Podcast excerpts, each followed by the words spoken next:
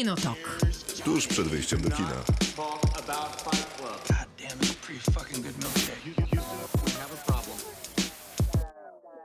Krzysztof Majewski. Miłosława Boża. Maciej Stasierski. Program nazywa się Kinotok, będzie trwał dwie godziny do północy, więc dobry wieczór. A później y, będzie też podcastem. Sen. Tak, podcastem, będzie- tak, później będzie sen, a jutro będzie podcastem, też takim półtora godzinnym mniej więcej. Rozmawiamy o filmach i serialach. Dzisiaj cykl w robocie, który powtarza się zawsze w piątki, chociaż, Chociaż dzisiaj w nie poniedziałek. Mm, Na naszych mediach społecznościowych tam zadajemy pytanie związane z jakąś recenzją filmową, serialową. Dzisiaj pytamy o ulubione postaci z Gwiezdnych Wojen, bo dwa gwiezdnowojenne seriale będziemy recenzować. Zaczynamy od... Od Mandaloriana. A może od Obi-Wan to, Kenobi to jednak nie. Aha. Zdaje się jednak, że od Mandaloriana, bo tak jest w zapowiedzi, a z tego się Dobra. z reguły trzymamy. Później będzie Obi-Wan Kenobi, który został przesunięty z ostatniego tygodnia, a będziemy kończyć filmem, który się skrócił. Skrócił się, Się jeśli chodzi o tytuł. Tak, y, się nazywa Young, A był Chociaż After mógł Young. After After Young Young. się nazywać. ale w sumie mógłby się nazywać Young, tak po obejrzeniu. Ale mógłby się też nazywać After Young. Ale mógłby się też nazywać Po Young. Przepraszam, już Po. Youngu musiałby się nazywać chyba jednak. Po Youngu byłoby nawet niezłe. A nie. No Ja, tak- Widzicie, wcale lepiej- nie jest tak łatwo z tymi To tłumaczeniami. już lepiej byłoby zosta- to już lepiej, żeby zostawili po prostu After Young. Skończyło się też Stranger Things, obejrzeliście? Nie, zaczęłam. Ja nie, na A pewno ty, na Krzysztof, mnie nie patrz. skończyłeś? Skończyłem. Bo byłem w podróży i to było idealne, Jak? żeby akurat Refleksje? skończyć. Jest to lepszy koniec niż początek. Tak e, się zaczął dla mnie, ale nie wiem jak się skończy. Ale słyszałem, że i tak będzie piąty sezon. Ale to A to ktoś miał jakieś planowane. wątpliwości w tej O, sprawie? Matko, to straszne chyba. Nie, ja wiem. Fanostwo jest zachwycone, a trzeba przyznać, że Stranger Things w większości jednak ma fanostwo, co widać po krytyce i widzach. Ja Krytyce, rozma- w sensie krytyce filmowej pozytywnej. ostatnio rozmawiałem z Dawidem Muszyńskim, redaktorem naczelnym na ekranie i mówił, że Netflix... Jak do niego dzwonisz, to on tak odbiera? Tak, właśnie tak, Dawid dokładnie. Muszyński. Że Netflix nie może przerwać tego serialu za szybko, bo jest to jedyny serial Netflixa, który się ogląda chyba teraz. No to są jest ich kilka. słowa. Bridgertonowie się nie oglądają? Oglądają się. Ja już drugiego sezonu nie obejrzałem.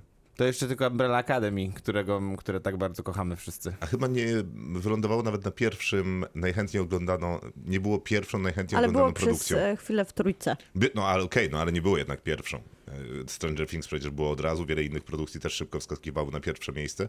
Mam wrażenie, że Netflix najlepiej sprzedaje te rzeczy, które są Te azjatyckie na przykład formaty przecież jak świetnie się sprzedadały.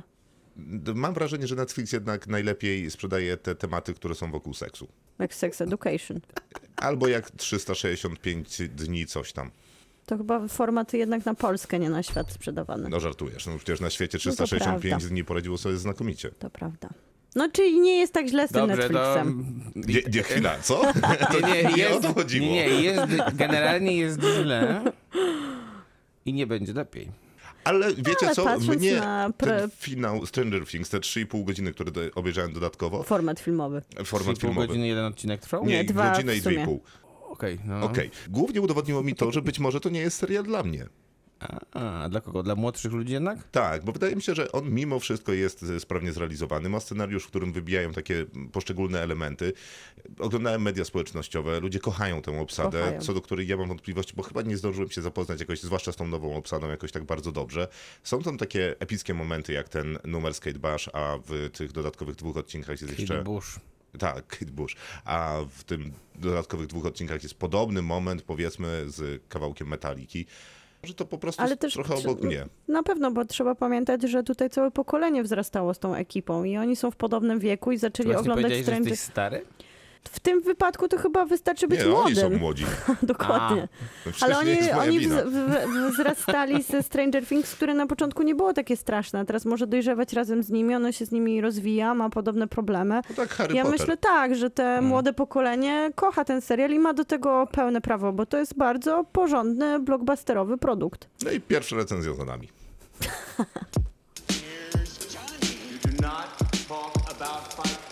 Kinotok. Film. No to czas na w robocie. Zaczynamy od waszych głosów, a pytaliśmy o Gwiezdne Wojny. Jako, że tych głosów jest mało i my pewnie też jakoś bardzo długo nie będziemy mówili, A to myślę... Zdziwisz się. No tak, znaczy nie zdziwię się Miłka w tym wypadku. Dlatego spytam już teraz, czy Gwiezdne Wojny były ważne w waszym życiu? A w Mm. zasadzie, czy postaci z Gwiezdnych Wojen były wa- ważne w waszym życiu? A w zasadzie... musi zmienić zdanie teraz. Chciał coś powiedzieć, ale postaciami go tutaj Bardzo pokonałeś. ważne były. Ba- tak? Pamiętasz swój pierwszy seans Gwiezdnych Wojen? Pamiętam jak mój ojciec, którego oczywiście pozdrawiam, Serdecznie pozdrawiam. Ja mam, wra- to naprawdę brzmi, jakbyśmy mieli scenariusz i odhaczali kolejne punkty, rzeczy, które muszą się pojawić. jak mój tato e, kupił kiedyś mm, e, taki zestaw na kasetach wideo jeszcze, ale w wersji z napisami Gwiezdnych Wojen tych starych.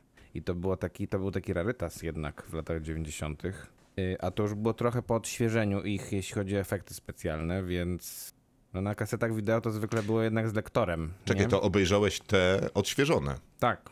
No, ale to jest wcześniej też kolosalna obejrz... różnica. Ale wcześniej też obejrzałem te stare. To nie odświeżony. To ciekawe, bo zadałem ci pytanie, czy pamiętasz swój pierwszy seans Gwiezdnych Wojen? Powiedziałeś tak, obejrzałem to odświeżone, Nie, ale nie, nie. wcześniej... Jakby y, najpierw obejrzałem te stare zupełnie. Gdzie? W kinie? Nie, nie, w telewizji. Mhm. A później kupiliśmy te kasety wideo, na których właśnie było już odświeżone efekty specjalne i pisy, co tak jak powiedziałem było nietypowe, a później, się, a później zaczęły się pojawiać już te pierwsza, ta trylogia nowa się zaczęła pojawiać, bo to już był przełom lat 90 i 2000. No i jaka ja- to była reakcja? Szok i niedowierzanie? Która? Bunt i wiesz, na rzucanie pierwsze spotkanie z. Gwiezdnymi Wojnami. Nie, no to była inspirująca bardzo ten przygoda i wspaniała rzecz. Miłka, a twoja? Bo chyba ostatnio mam wrażenie, mówiłaś, że Gwiezdne Wojny to nie jest twoja rzecz. Nie szczególnie. Mhm. Nie szczególnie wpłynęły na moje życie. Myślę, że tak później je poznawałam bardziej jako, jako popkulturowy hit i coś ważnego dla kinematografii i nawet bardziej mnie podniecało to, że tam tak dużo technologicznych było nowinek i to wszystko było trudne do zrobienia i wyglądało zadziwiająco fantastycznie na to, jak niewiele można było zaprezentować w latach 70., a wyglądało to naprawdę imponująco. Mówię o tych pierwszych Gwiezdnych Wojnach. Tak, jasne, kiedy byłaś w kinie na. Klasycznie, na tak.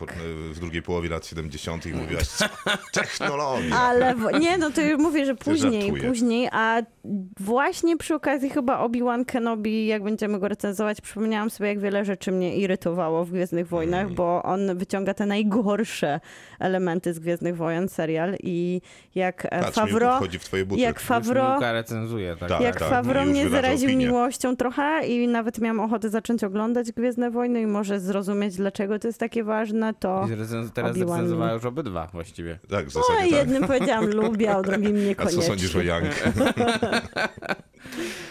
Dobrze. I Krzysztof, A u ciebie a dla jak to ciebie? było? no ja późno obejrzałem Gwiezdne Wojny, ale to dlatego, że jak na Gwiezdne Wojny jestem Bo jesteś za młody. młody. Tak, więc w zasadzie mam, nie jestem pewny, ale najprawdopodobniej pierwsze Gwiezdne Wojny w kinie zobaczyłem dopiero, to nie był dobry początek e, przygody z Gwiezdnymi Wojnami, bo to, była, w- to był Atak Kronów To były twoje pierwsze Gwiezdne Wojny? w kinie. Mrocznego widma nie widziałeś w kinie?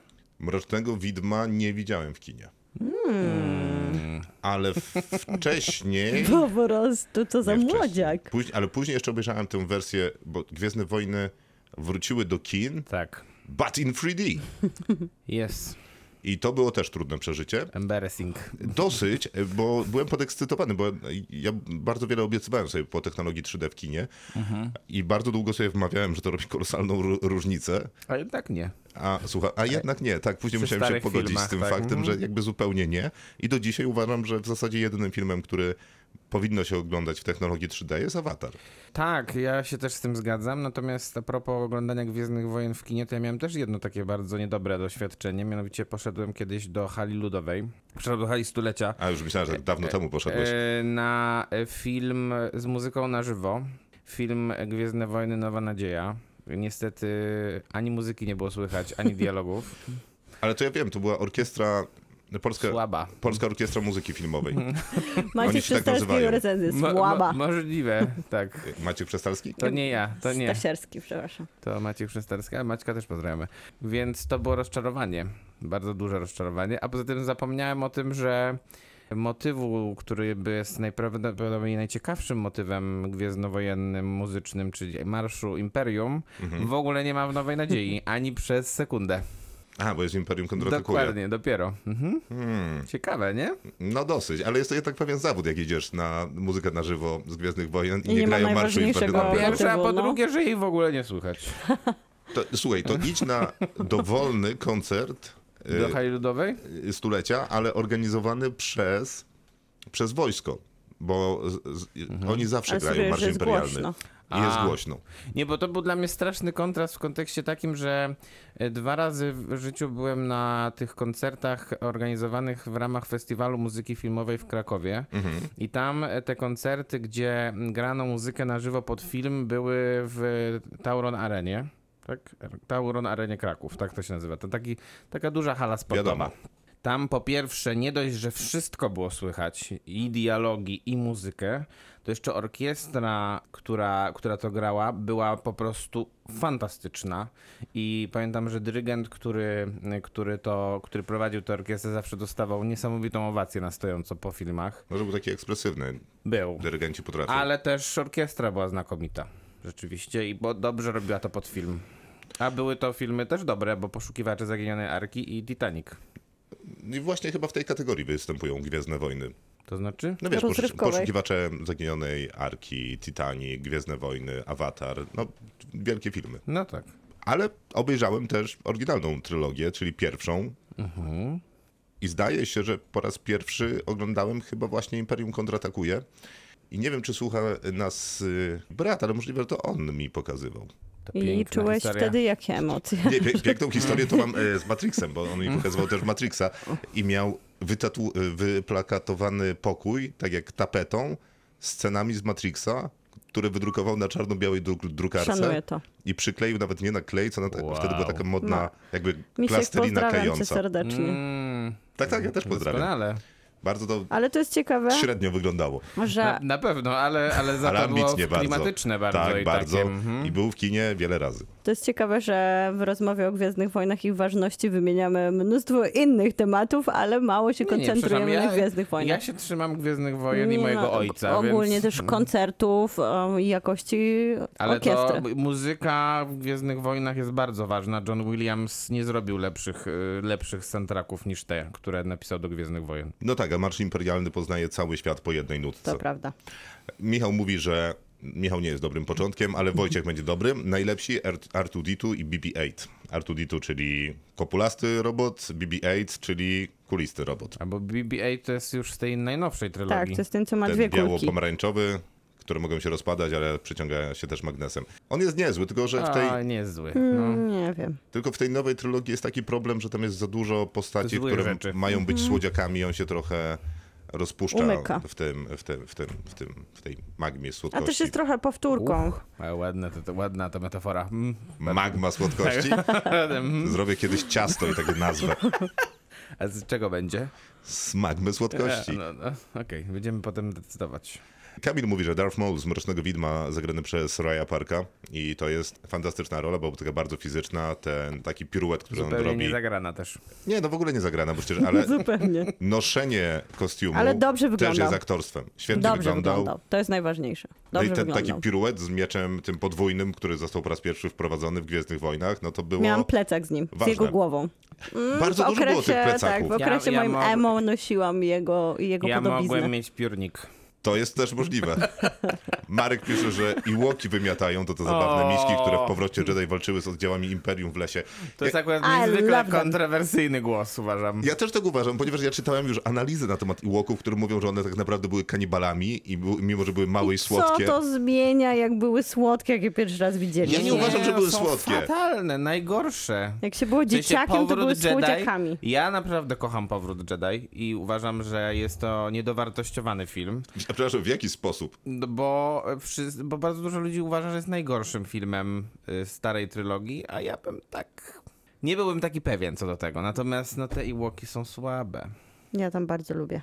Bo naprawdę uważasz, że to są takie sympatyczne misie, które Nie spuszczą chodzi łomot o Imperium? ich, nie chciałam teraz robić No, profilu psychologicznego. Spuszczają, dokładnie. No Imperium wszyscy spuszczają łomot. Niekoniecznie chodzi o profil psychologiczny tutaj tych bohaterów, jak e, takie po prostu czyste słodziactwo i co, to, co zaczęło w sumie całą tą franczyzę Gwiezdnych Wojen i sprzedawanie słodziactwa, to były Iłoki. To był ten pierwszy moment, kiedy poza różnymi potworami, takimi Mm, kreacją y- takiego świata pojawiły myślę, się takie jednak, myślę, że elementy. jednak, jeśli, jeśli chodzi o słodziactwo, to, to jednak Chewbacca był y, i jest głównym słodziakiem.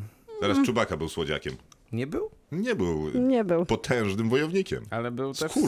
No ale on właśnie był tym, on posiadał sobie dualizm pomiędzy dzikością a Ty przyjacielskością. przed chwilą mówiłaś, że nie znosisz Gwiezdnych Wojen. Będziesz mi, będziesz mi przemawiać, Nie, nie, mi mówić, nie, nie trzeba czegoś kochać, żeby się dualizm. zdać na czymś, A, słuchaj. no tak, przepraszam. No, przed chwilą było jeszcze o profilu psychologicznym.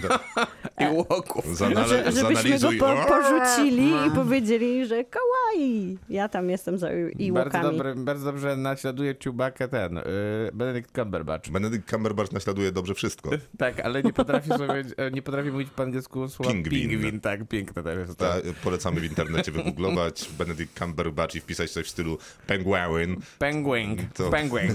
To będzie dobrze. Paulina pisze, że pewnie mi się oberwie, co nie jest prawdą, bo tu się nikomu nie obrywa. Już nigdy więcej Nigdy. nie przeczytacie mojej odpowiedzi. To akurat może być prawda, ale y, nie rozumiem fenomenu tej serii. Uważam, że jest umiarkowanie kreatywna, a przecież umieszczenie akcji w kosmosie daje niezliczone możliwości, więc czemu na Boga nie postarać się o jakąś świeżą i odkrywczą fabułę? I żaden bohater mi specjalnie nie podszedł, a widziałam wszystkie filmy i nawet przemęczyłam pierwszy sezon Mandaloriana. Może jest tutaj coś ciekawego od strony technicznej, ale fabularnie i zdecydowanie To zdanie przemęczyłam pierwszy sezon Mandaloriana jest dziwne. To może być jedyne zdanie, które ciąży na opinii Tej Pauliny. Czy nie, ja się nie zgadzam z tą wypowiedzią W całości chyba też. Tak, ale, e, ale to z Mandalorianem jest szczególnie trudne do zaakceptowania, wydaje mi się. Znaczy, umiarkowanie kreatywna, Tu się nie zgodzimy. Nie, nie zgodzimy się. Ale Nie. po, z postaciami ja się trochę zgadzam, że one są wszystkie takie. Jakie? Takie t- trudno znaleźć tam jakiegoś swojego faworyta. Miłka teraz będzie wymieniać 74 Miłka, ile masz tam tych postaci bardzo wydrukowanych? dużo. Nie, nie mam wydrukowanych, ale mam w komputerze bardzo dużo.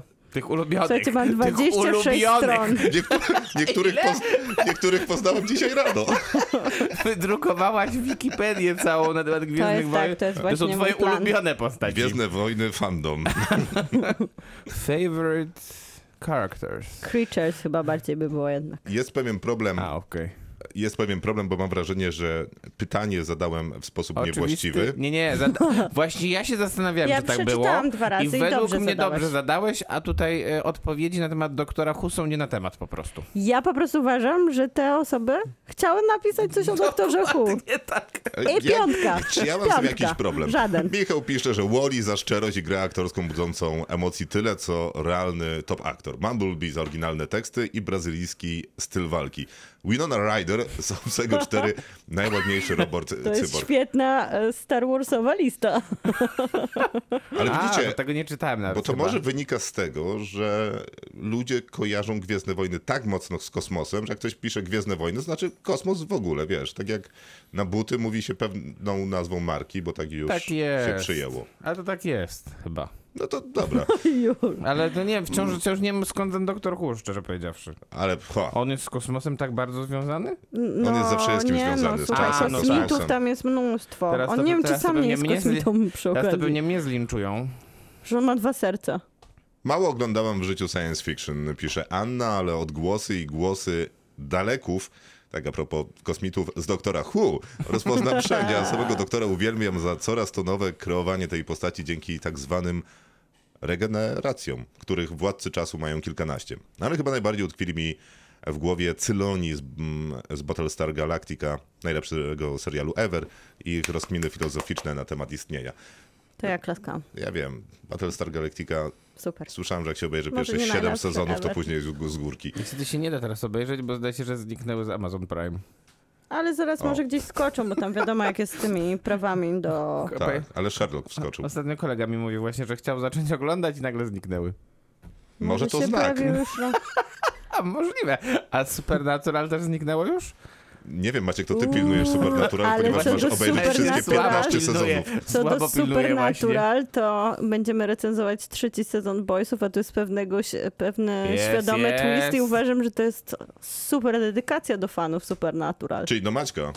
Tak, Głównie, dokładnie do głównie mnie. do niego. Za moment wracamy z głosami Miłki, my z Maćkiem posłuchamy. Tak. Do. Kinotok. Film. No to czas na naszą część w robocie. Miłka, no zrób to proszę A bezboleśnie. ile masz tych postaci? Bardzo dużo, bo ja nie, sobie- No, ale nie co masz, lubisz tego 23 ser- nie- strony? No nie to przecież Nie. wiesz, że ten Nie, program ma... 26 Sześć, stron. ale ale, no to ale nie, nie, ale razem z innymi rzeczami. Ja mam, wiecie... Znaczy, jaką listą zakupów? Nie, na przykład bardzo dłu- długie mam notatki o kogo nadzie. Myślałem, że masz długie notatki After Young, gdzie piszesz, dlaczego płakałaś. Nie, O mam tym o będziemy- samym reżyserze, O ale tym tak. będziemy więc- rozmawiać później. Później, rozumiem. To był taki teaser. No dobra, Miłka, daj 5 na początek, a Pięć? później, Nie, bo ja później sobie, będziemy negocjować. Bo ja sobie to rozłożyłam tak, że ja nie, nie za bardzo przepadam za tymi postaciami nie mów, pierwszoplanowymi. nie mów, których nie przepadasz, tylko powiedz, o których Ale przepadasz. chciałam się A, wytłumaczyć, dobrze. jaki był koncept mój na to, żeby jednak. to ugryźć. I stwierdziłam, że ja słuchajcie, najbardziej lubię Gwiezdne Wojny za kreowanie światów i za te stworzenia, do, które, które nam zaproponowało. Za te wszystkie planety. Jakie wszystkie planety? Połowa akcji rozgrywa się na Tatooine. No i tam jest bardzo Mhm. Dużo stworzeń. Na przykład jest mnóstwo transportowych stworzeń, na których oni jeżdżą. Nie wszystkie są na Tatooine tak naprawdę. Ostatnio na przykład blurksy się pojawiły również w Mandalorianie jako takie główne transport. No nie ma ich, ale właśnie mówię, że jest nie tylko na Tatooine, są transportowe Co to jest stworzenia. jakimś tatuinologiem? Nie, ja, ja znam trzy nazwy tych planet może, więc y, będę używał tych, których znam. Więc Andor. Dzisiaj, Alderan, tak? dzisiaj to jest ta, co, Tak, to jest- ta, ta, co została zniszczona przez Gwiazdę Śmierci. tak, Andor, Arvala 7 jest jeszcze. Andor akurat mi się przypomniał, bo dzisiaj pojawiły się materiały prasowe y, do, Do serialu. do serialu, który ma premierę jakoś jeszcze w tym miesiącu. W sierpniu. Według No twojej właśnie, rozpiski, możemy ale płakać. byłeś blisko całkiem. No To już to prawie jak w tym miesiącu dokładnie. Ale jest trailer dostępny, to w ogóle bardzo dobrze wygląda. A co, No o czym to jest? A nie, dobra, nieważne. O Andorze mów. rebelianci zbierają się w lesie i szykują A jak się nazywa ta wsparcia imperium. planeta, gdzie jest e, cała siedziba Republiki w pierwszej trójce, pierwszej trzy, trylogii i potem Imperium? Nie mam czasu na to, Miłka. No więc ja sobie to, słuchajcie, po stworach Aha. rozłożyłam. Więc mam bardzo dużo tych transportowych stworów, ale chyba zostanę na tych blurksach, bo one mi się najbardziej kojarzą. Wydaje mi się, że one sprowokowały trochę The Hosta, potwora John Hon Bonga, który jest takim po... Ho, Bonga Junho. Junho Bonga, który jest takim połączeniem jakby wielkiego potwora z karpiem i podobnie mają te blurksy, że mają małe ciałka, a wielkie głowy, które wyglądają jest jakieś rybne Mhm. głowy, więc od razu mi się skojarzyło to z filmem, który powstał trochę później niż koncepcja Blurksa, więc może tu być jakieś popkulturowe mrugnięcie do tych stworów, na których Mandalorian dużo jeździ właśnie w swoim serialu, więc jest e, taki element. Są też te stwory, które są śnieżne, na których, nie wiem czy pamiętacie, Han Tak. Solo rozcina brzuch tego stwora, nie żeby Han Solo, Luka... tylko Luke Skywalker się Nie, to Luka tam. w środku wkłada Han Solo do środka. Luke jest zaatakowany, jest No tak, ranny. Bo on go podwiesza Tak, więc on go tam wkłada do tego brzucha i Nie tam pamiętam, strasznie tam śmierdzi, śmierdzą ich wnętrzności. No to je- też jest taki później filmowy motyw, który powtarza to rozcinanie brzucha. Potem ten, W potem zjawie. e, z Alejandro Dokładnie. González Iñárritu. Tak. Dokładnie, Jak cy- Cytuję Tarkowskiego i Gwiezdne Wojny. I Gwiezdne Wojny. Ale tam jest, ale w odwrotnej kolejności. tam jest właśnie scena, jak on tak bardzo stara się przeciąć długo ten brzuch, bo one mają takie super twarde skóry i to mi się wydawało takim, może nie jakimś szczególnie kreatywnym, jak tutaj zarzuca Paulina, Ale to jest jej Wojnom. ulubiona postać, ta, Ale która nie. nie. żyje i zostaje... One żyją inne, tylko chodzi o to, że ta skóra, która była tak długo rozcinana, była takim elementem, który sprawił, że to jest taka koncepcyjna jednak postaci, że jeżeli już żyją na zlodowaciałej planecie, no to chyba muszą być gruboskórne, żeby przeżyć e, te mrozy, więc zawsze miałam takie, takie miłe zaskoczenie, że te stworzenia też mają jakby takie bardzo przemyślane koncepcyjnie elementy, które sprawiają, że są spójne ze światem, w którym istnieją. Tam był lód. To są e, te stworzenia, na których się jeździło. Bardzo lubię te słodziaki, które się zaczęły od e, Iłoków, które jak Maciek dzisiaj przyznał są kontrowersyjne. Podobnie jak porksy są kontrowersyjne, tylko za nimi stoi dużo ładniejsza historia. Porksy to są te takie słodziaki ptaki, które się pojawiają w powrocie Jedi, ostatnim Jedi. Na wyspie, na której żyje Luke. Jedi. Tak, na wyspie, na której żyje Luke, Tak, tak, żyją pamiętam. porksy. I sytuacja wynikała, te porksy się pojawiły dlatego, że na tej wyspie, gdzie kręcono, na Islandii Gwiezdne Wojny, faktycznie żyło bardzo dużo maskonurów, tak się nazywają ptaki, które są prawie na wyginięciu, ale na tej wyspie tak się składa, że jest ich mnóstwo. I one są takimi słodziakami przypominającymi trochę pingwiny i oni kręcąc tam nie mogli jakby się ich pozbyć w kadrach. Więc stwierdzili, że je trochę CGI-ują i zrobią z nich słodziaki, które później mogą przekuć w pieniądze i mnóstwo słodkich maskotek. Jasne, przypominam, że na tej planecie ląduje też twój słodziak Czubaka, który w jednej ze Nie, to scen... mój słodziak. On A, ma s- swoją... Sorry, twój słodziak Czubaka. Joey and the Porks ma swoją książkę nawet. Tak, który w jednej ze scen właśnie ma zjeść jednego Tak, z... bardzo by chciał je grillować. Bardzo, bardzo słodkie. Znaczy ugrillował jednego, po prostu go nie zjada, Tak, więc tak. w ogóle marnuje. Jest na tej samej Śmierć. wyspie są opiekunowie Lanai, którzy, którzy zostali przez internet nazwani rybne zakonnice i to są ci, którzy się lukiem zajmują. I One opiekują oni się są, świątynią tą Oni Jedi. są tacy słodcy, bo są brzydcy, mało atrakcyjni, można tak powiedzieć, ale przy okazji bardzo uroczy. Miłka naprawdę trafiła na koniec internetu. Jak szukała, szukała Rybne postaci. zakonnice są, ale wulpleksy, czyli liski są tak, wspaniałe. Tak, no tak, je, bo to... I trzeba też powiedzieć, Szkoda. jak tutaj fajnie był wykorzystany ten element, że one zostały oczywiście zaprojektowane, ale w trakcie, kiedy kręcili zdjęcia, chcieli, żeby one się ruszały, bo ten element odbijania światła na tych kryształach wydawało się, że będzie mało autentyczny, kiedy będzie zbudowany cały w CGI-u, więc przebrano psy w takie kombinezony, które miały podwieszone właśnie takie rurki, nie szklane, z tworzyw sztucznych, które idealnie odbijały światło i faktycznie na planie biegały psy, nadając temu kostiumowi lisa prawdziwy ruch i dzięki temu też naprawdę one tak się iskrzyły, jakby się iskrzyły prawdziwe Tak, słodziaki. to potwierdza, że Ryan Johnson miał dużo dobrych pomysłów i Ostatni Jedi wcale nie jest najgorszym filmem. No na pewno nie wizualnie Nie, nie, te, bo jest jednym z najlepszych filmów, ale to jest ciekawe, bo ja te wulpleksy, y, to kiedyś, to się wul, wulpteksy chyba nazywał, tak? Wulpteksy, no. Tak, to widziałem jak one były robione, y, to z kolei oni robili robota takiego całego, który się w dodatku ruszał. Ro- zrobili, ale później na planie stwierdzili, że ten robot się nie rusza naturalnie i że oni by chcieli, żeby to było takie super żywe i faktycznie przebrali psa. Ale wiesz, zrobili prawdziwego robota. Ten No i później się okazało, super. że pieski są po prostu jeszcze lepsze. E, Był też Max e, Rebo, który był, słuchajcie, patrzę. wspaniałym jazzmenem, który grał dla Jabba the Hutt.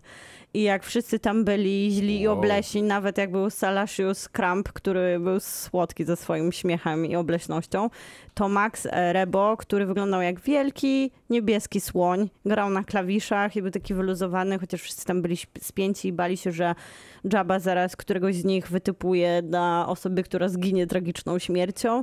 No to on wykonywał swoją pracę i grał na, na instrumentach i robił świetny jazz i do dzisiaj wydaje mi się jednym ze słodszych postaci Gwiezdnych Wojen.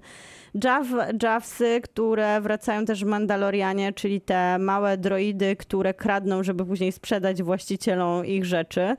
Okazuje się, słuchajcie, dzisiaj to są granice internetu, doszłam do tego, że one są droidami, które są bardzo owłosione, dlatego noszą te szaty, żeby nie było widać, że jak na droidy mają bardzo dużo włosów i mam nawet tutaj cytaty, że według gangstera Alwina Czaru Javas miał piżmowy zwierzęcy zapach, który porównywał do bractwa mokrych szczurów, więc przez to, że były tak owłosione i kiedy mokły, pachniały jak szczury. I one są też super słodziakami i nawet w tym smutnym obiłanie, jak się pojawiają, to od razu mi jest weselej właśnie, żeby sprzedać towar, który mu same ukradły.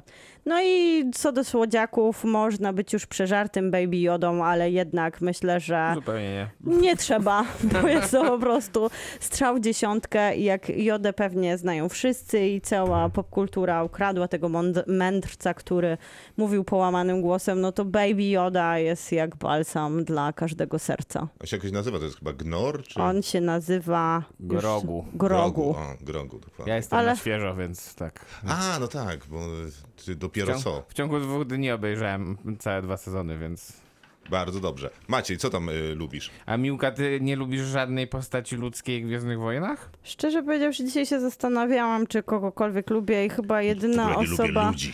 która jakieś emocje we mnie wywołuje, to Han Solo z takim właśnie dualizmem, że jest seksownym złoczyńcą, jest taki pyszny i pewny siebie, no ale jednak na końcu ma złote serce. I ten jego duet z Czubaką jest, Ale Słodziakiem. jest tak, jest w porządku, ale reszta Nie? tych ludzkich bohaterów nigdy mnie nie przekonywała. Nie. Y, ja Ty? Tak, ja mam kilka jednak postaci ludzkich, z tej, na, nawet z tej, nawet z tej najgorszej trylogii.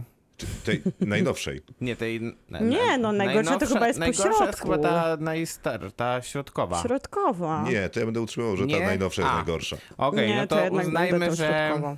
Ta Mroczne środkowa- widmo moim zdaniem jest udanym filmem. Atak klonów. Ma pewne problemy, Aha, Problemy ma, to solidne. Bardzo dyplomatycznie. no ale dziewię- ostatniego filmu, ostatni film jest nie do przyjęcia. zemsta tu? Zemsta Sithów? Nie, nie, nowej A. Skywalker Odrodzenie jest nie do przyjęcia, to prawda. Yy, to, to z tym się zgadzam. Natomiast no, z drugiej strony jest ostatni Jedi, No który... tak, jest, jest. który jakby buduje e, klasę. Ym, więc tak, są dwie postaci z tej starej trylogii, z tej środkowej trylogii, które bardzo lubię. Tej najgorszej według nas. Tak. Qui-Gon Jinn, e, którego gra Liam Neeson. Myślę, że naprawdę taki mistrz Jedi e, w takim starym, dobrym stylu napisany, świetnie zagrany. Ciekawostka musicalowa. y, W Teatrze Muzycznym Kapitol we Wrocławiu kiedyś było wystawianych trzech muszkieterów. Tam ka- kaskader i szef choreografii od walki na miecze to był y, również nauczyciel choreografii walki mieczem świetnym Qui-Gon Jinna, czyli Liama Lima. Neesona. Wow. To prawda. Wow. Okej. To Tak, jeszcze poważne padła, rzeczy. mówiąc szczerze. No i, i trzeba iść na trzech muszkieterów. E, tak, dwa razy byłem. E, I i e, nawet mimo najgorszej chyba postaci, którą dostała do zagrania w Zemście Sithów, to uważam, że bardzo dobrze skonstruowaną Natalie postacią Portman. jest Padme Amidala. Ja też tak uważam. E, dlatego, że po pierwsze grają Natalie Portman wyśmienicie w pierwszych dwóch filmach. Tam jest taka ładna przebitka e, z Haydenem Christensenem, kiedy oni są w takim radosnym momencie na jej domowej planecie i tam tarzają się w, na łące, patrzą I tam sobie w oczy i świeci stworzenia. To jest- to jest- I tam o, są te stworzenia. Szaksy się nazywają. To jest e, Nabu. Tak, to jest Nabu. Brawo, To brawo. tam jest faktycznie pokaz aktorskich umiejętności, tam jest rewia. Natomiast... Która została przez jest- Life ty- ty Harder przecież- mimicznie przecież Ty wykorzystana. Natalie Portman. No ale nie za tę scenę. Ani nie za- parę innych w, tym, w tych no, trzech No filmach. te filmy są problematyczne, ale z drugiej strony wydaje mi się, że postać jest ciekawie skonstruowana. Da się jakoś... Teraz jak ona tak powracała nawet w wspomnieniach w serialu Obi-Wan Kenobi, to ja miałam dużo czułości do niej. No, do- tak ona była, powiem, Ale jakości. Natalie, Natalie Portman ma pecha do takich roli, nie? Bo raz, Jeszcze ma Tora. raz w Gwiezdnych Wojnach, a później jako No no nie, taka to jednak ta super stereotypowa, zepchnięta na trzeci plan, nieciekawa postać w torze. A teraz No nie, będą, nie, ją, nie, no będą to ją właśnie- reaktywować i Ale to inna jako jest torzyca. postać niż w torze jednak. No jest, bo jest W Ataku bogatsza. Klonów jest jednak e, postacią taką, która przejmuje kontrolę. Tak, ona, tak, jest, tak. ona jest główną postacią tego, tego filmu. Słabego filmu niestety. Ale Tak, zwłaszcza, że te polityczne wątki, no bo ona jednak Tak. jest senatorką, czyli tam Senatorką powiedzmy jest. europosłanką na całą planetę. Yy, to jest w- zasadzie dosyć ciekawe. Jest z- ciekawe, no ona ma też jeden z lepszych, tam jest taka scena, w której, w której imperator wygłasza takie płomienne przemówienie o tym, że imperium teraz powstaje. Ona mówi, że w, w, w, w dźwięku oklasków upada republika. Tak mówi, to prawda. Na tych y, UFO, na których wszyscy Tak. stoją. Dokładnie. Ale z perspektywy tego, że teraz to jest oczywiste, że mamy silne postaci kobiece, to w tych 2000, początkach 2000 lat to nie było takie oczywiste. A tym Znaczy, bardziej możemy jeszcze wrócić do. Lei, nie? Bo No Leia tak, wcale tak. nie jest silną postacią. Leia jest skonstruowana na takiej zasadzie, że ma być symbolem seksu Mhm. i niczego więcej.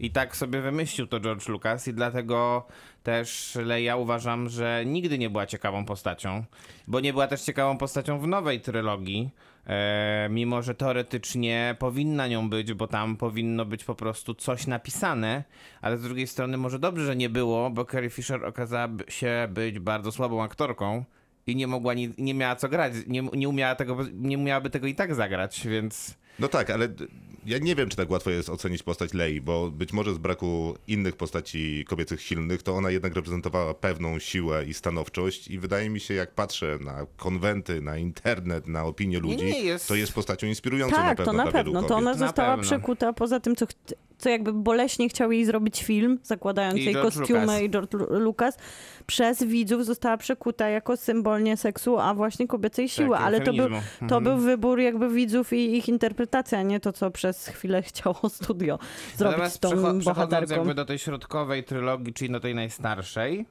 yy, chronologicznie Mhm. najstarszej, ale środkowej jakby jeśli chodzi o chronologię wydarzeń, to yy, w tej z kolei ja też nie lubię za bardzo tych postaci pozytywnych, bo Han Solo jest prawdopodobnie najbliżej jakiejś Bo to- interesującej... Bo to ta charyzma chyba po prostu charak- samego, tak. samego Harrisona tak, Forda. Harrisona Forda. Natomiast no, są jednak tam dwie postaci, no, które są bardzo istotne i ja uważam, że najlepsze w ogóle w Gwiezdnych Wojnach, czyli z jednej strony Imperator Palpatine, czyli naprawdę villain taki, który, którego kino nie widziało przez długi czas wcześniej, zanim się pojawił w kinie i potem też Bardzo ładna wypowiedź. bardzo ładna. No a z drugiej strony...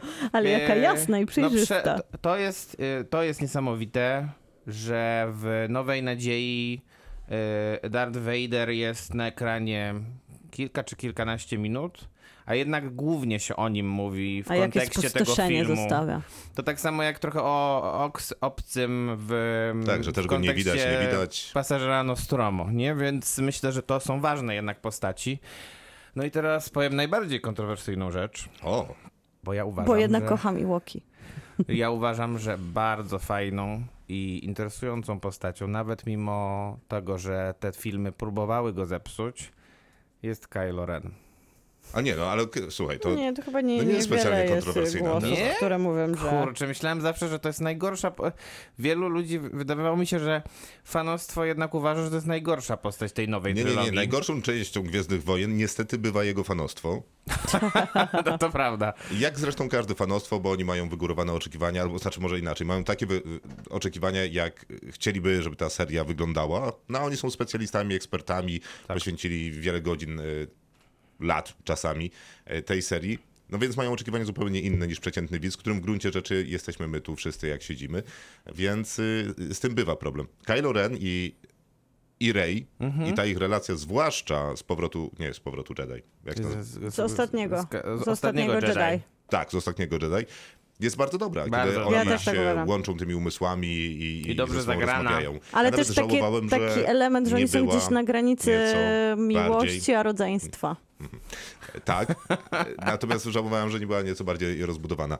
Dziękuję. I e, myślę, że Adam Driver ma jednak tutaj bardzo ważną rolę, bo on po prostu jest fenomenalnym aktorem, który potrafił tę postać zrozumieć. Ona nie jest za- jakoś mocno napisana, dlatego tym bardziej jego aktorstwo pewnie jest tutaj kluczowe.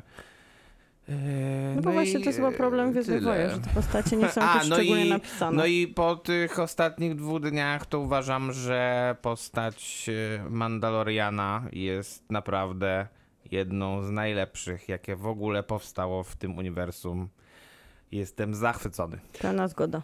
No super, ale wiesz, no nie można zapomnieć o Boba Fetcie, który w gruncie rzeczy jest jakby no, całym pomysłem na postać Mandaloriana i sam Boba Fett y, był kultowy dla Gwiezdnych Wojen, wojen nie był super pierwszoplanową postacią. Był bardzo drugoplanową. Wiemy jak Właśnie. kończy, ale jednak jetpack, pewien y, super charakterystyczny kostium, pomysł na tego łowcę nagród sprawdza się świetnie.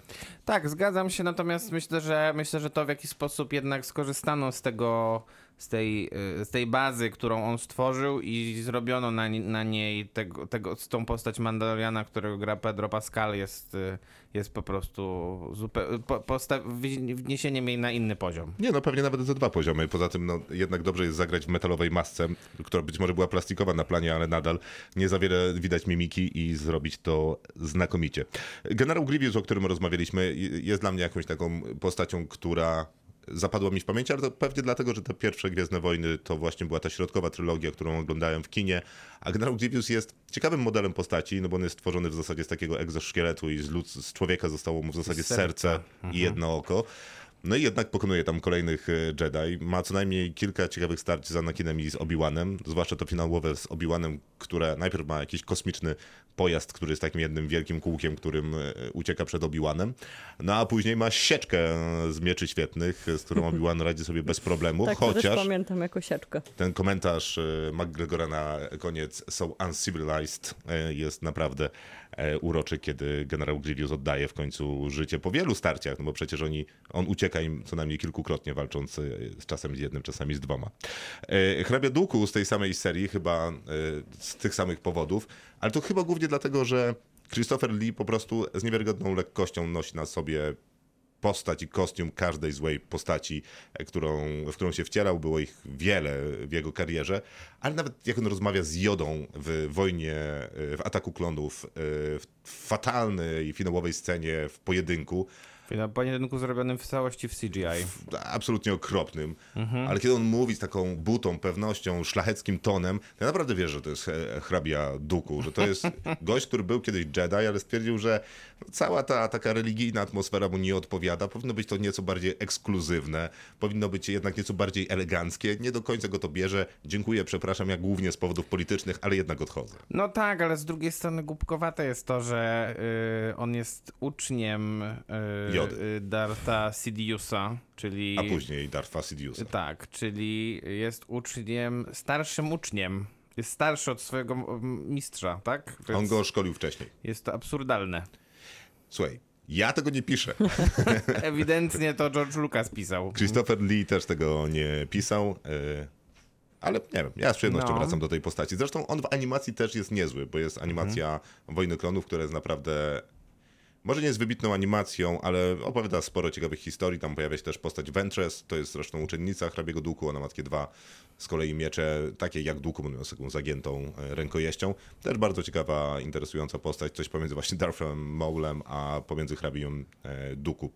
E, Sebulba z Mrocznego Widma. Wydaje mi się, że taka niemalże disneyowska postać w świecie Gwiezdnych Wojen to jest ten, który... Ten sprzedawca. E, Nie, to jest ten, który ściga się e, z A. młodym Anakinem w słynnych wyścigach z odgłosem znaczy dudniącego silnika diesla, bo tak z kolei robiono te e, pojazdy, które tam śmigały. Tam zresztą przecież też jest e, ta słynna zrobiona pu- publiczność z patyczków do uszu, pomalowanych na różne ko- kolory i poprawiana w CGI później. E, I Lando Calrissian, który wydaje mi się super ciekawą postacią zarówno w oryginalnej trylogii, wtedy Billy D. Williams go grał, a w nowej nie trylogii, bo to był ten standalone movie Donald Glover. Donald Glover, a y, film nazywał się po prostu Han Solo.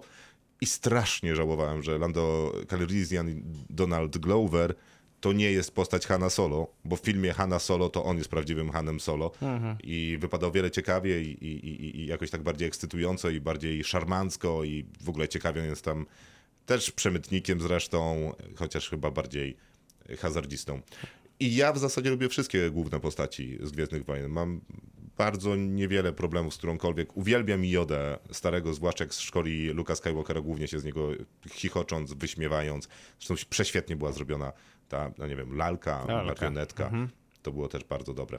E, Gwiezdne Wojny jakby złe. Lepiej była chyba... w całości. Lepiej chyba było, jak była lalka, niż jak było CGI zrobione w nowej, tak try- myślę. tej środkowej trylogii, kiedy w końcu George Lucas chciał, żeby mistrz Yoda też walczył na miecze świetlne. A nie tylko siedział I po co to prawił. było robić? No, Po chyba co to było? no chyba po to, że skoro Po co? zdecydował się na całe filmy w CGI, Tak. no to nie mógł wsadzić tego lolkowego Jody. No, no wiadomo, rozumiem. Natomiast y, myślę, że to była też decyzja taka, żeby, żeby walczył, nie? No I tak, ale wszyscy chcieli to zobaczyć. To, to też znowu chcieli, fani. tylko że źle zrobili to. To Dwa prawda, razy. to bo, prawda, Bo najpierw walczył z tym hrabim duku w tej scenie, w której nic nie widać. ale z Palpatiną jest już lepiej. A z Palpatinem jest lepiej, ale tam już rzeczywiście widać, że starcy walczą. Więc no... Świetne podsumowanie. Za moment recenzujemy Mandaloriana dwa sezony. Kinotok. Serial. To czas na Mandaloriana, czyli opowieść dwóch sezonów, która na Disney Plus jest. Gwiezdne Wojny czekają, do tego mamy jeszcze Obi-Wana i ten Andor, który zapowiedziano I wczoraj, jeszcze. Boba Fetta mamy, Jeszcze mamy Boba Fetta. jeżeli chodzi o to uniwersum A to? Disneyowe. Krzysztof się przyznał, że jeden oglądał. I, ale to nie dlatego, że nie miałem, znaczy okej, też nie miałem czasu, ale głównie dlatego, że nie chciałem. Aha, okej. Nie chciałem więcej. Uznajmy to za recenzję. Nie chciałam więcej. Nie, jest potwornie nudny. Nie, naprawdę. W sensie oglądam i mówię coś, to się, nie, no nie chce mi się. A to było przed Obi-Wanem, czy po, po Obi-Wanie? Przed.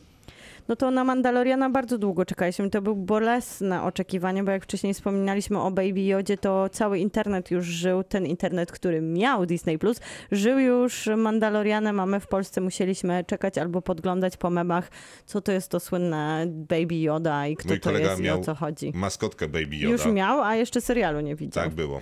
No właśnie, a ciekawa jest historia, która za tym stoi, bo John Favreau w 2019 kręcił Króla Lwa.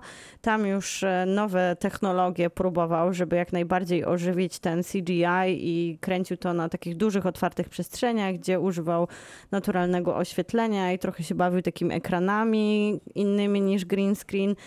I wtedy wpadł na pomysł, żeby spiczować Disneyowi ten pomysł, że chciałby zrobić Mandaloriana.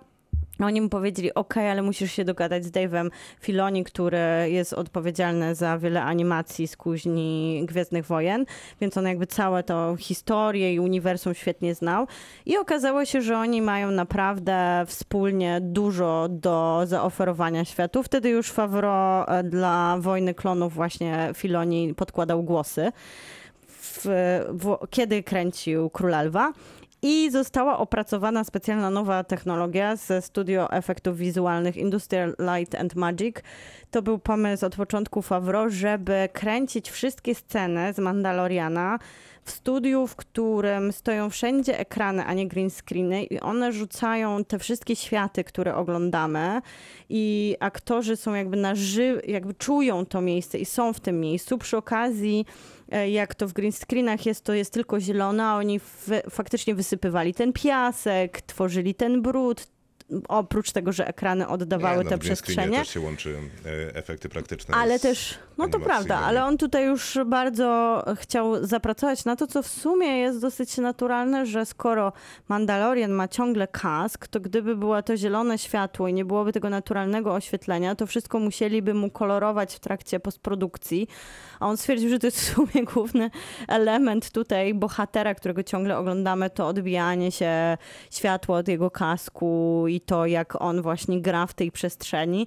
Więc bardzo się skupili na tym, by- żeby technologicznie to wyrównać razem z, tą, z tym, co rzeczywistość mogła. No co, i to, co to, też jest trudne, ponieważ te ekrany to są w zasadzie ekrany podobne do telewizorowych, więc one które też, też... generują dziwne światło. Tak jest, więc to światło też pewnie musieli poprawiać Oni- albo zakładać, że takie będzie odbicie. Oni też e, jakby starali się wymyśleć kamerę i wymyślili ją, która porusza się w tym świecie wirtualnym tych CGI-ów jak normalna kamera. Daleko nie mieli, bo wzięli to od Pixara, który Tak. używał tej kamery w tej Story 4.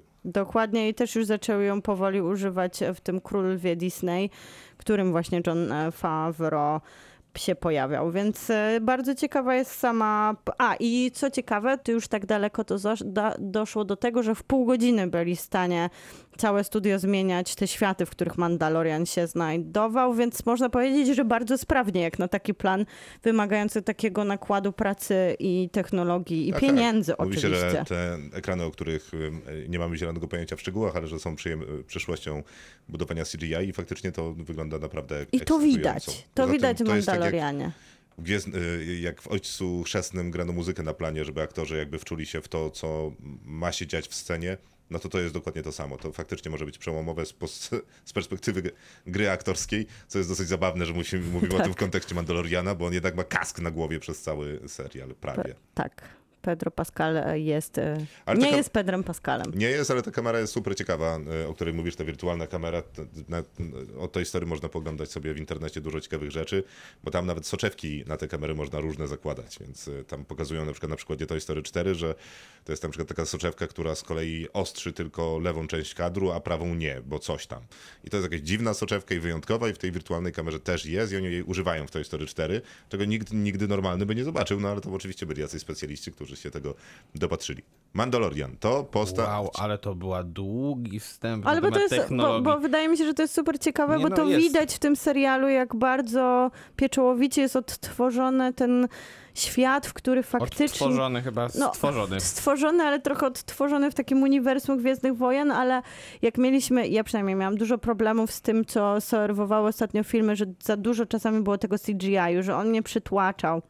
Że wyglądało to sztucznie, że przez to cały ten kreacjonizm stracił, to Mandalorian zainwestował w to, żebyśmy faktycznie byli w takim świecie, w którym czujemy ten piasek, czujemy ten, e, ten par lejący się z nieba, ten western, o którym John Favreau pitchował Disneyowi od początku, że on to chciałby stworzyć western w świecie Gwiezdnych Wojen i tak w sumie western i film samurajski.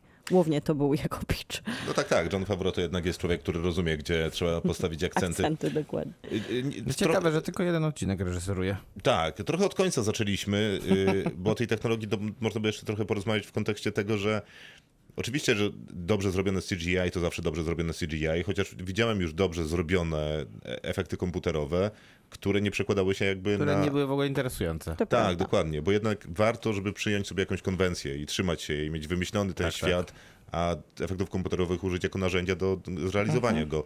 I Mandalorian to robi prawdopodobnie najwybitniej, że on ma bardzo dobrze wymyślony świat. On bierze z Gwiezdnych Wojen te takie rzeczy, które wyglądają tro, trochę jak Han Solo, kiedy wchodzi i strzela pierwszy, wchodzi do tego słynnego baru e, w Gwiezdnych Wojnach, gdzie to jest tak, takie trochę dziwne, trochę tandetne, trochę kampowe, kiczowate, trochę plastelinowe, trochę w kostiumie, trochę z rury PCV, a jednocześnie przyklejone są do tego efekty specjalne.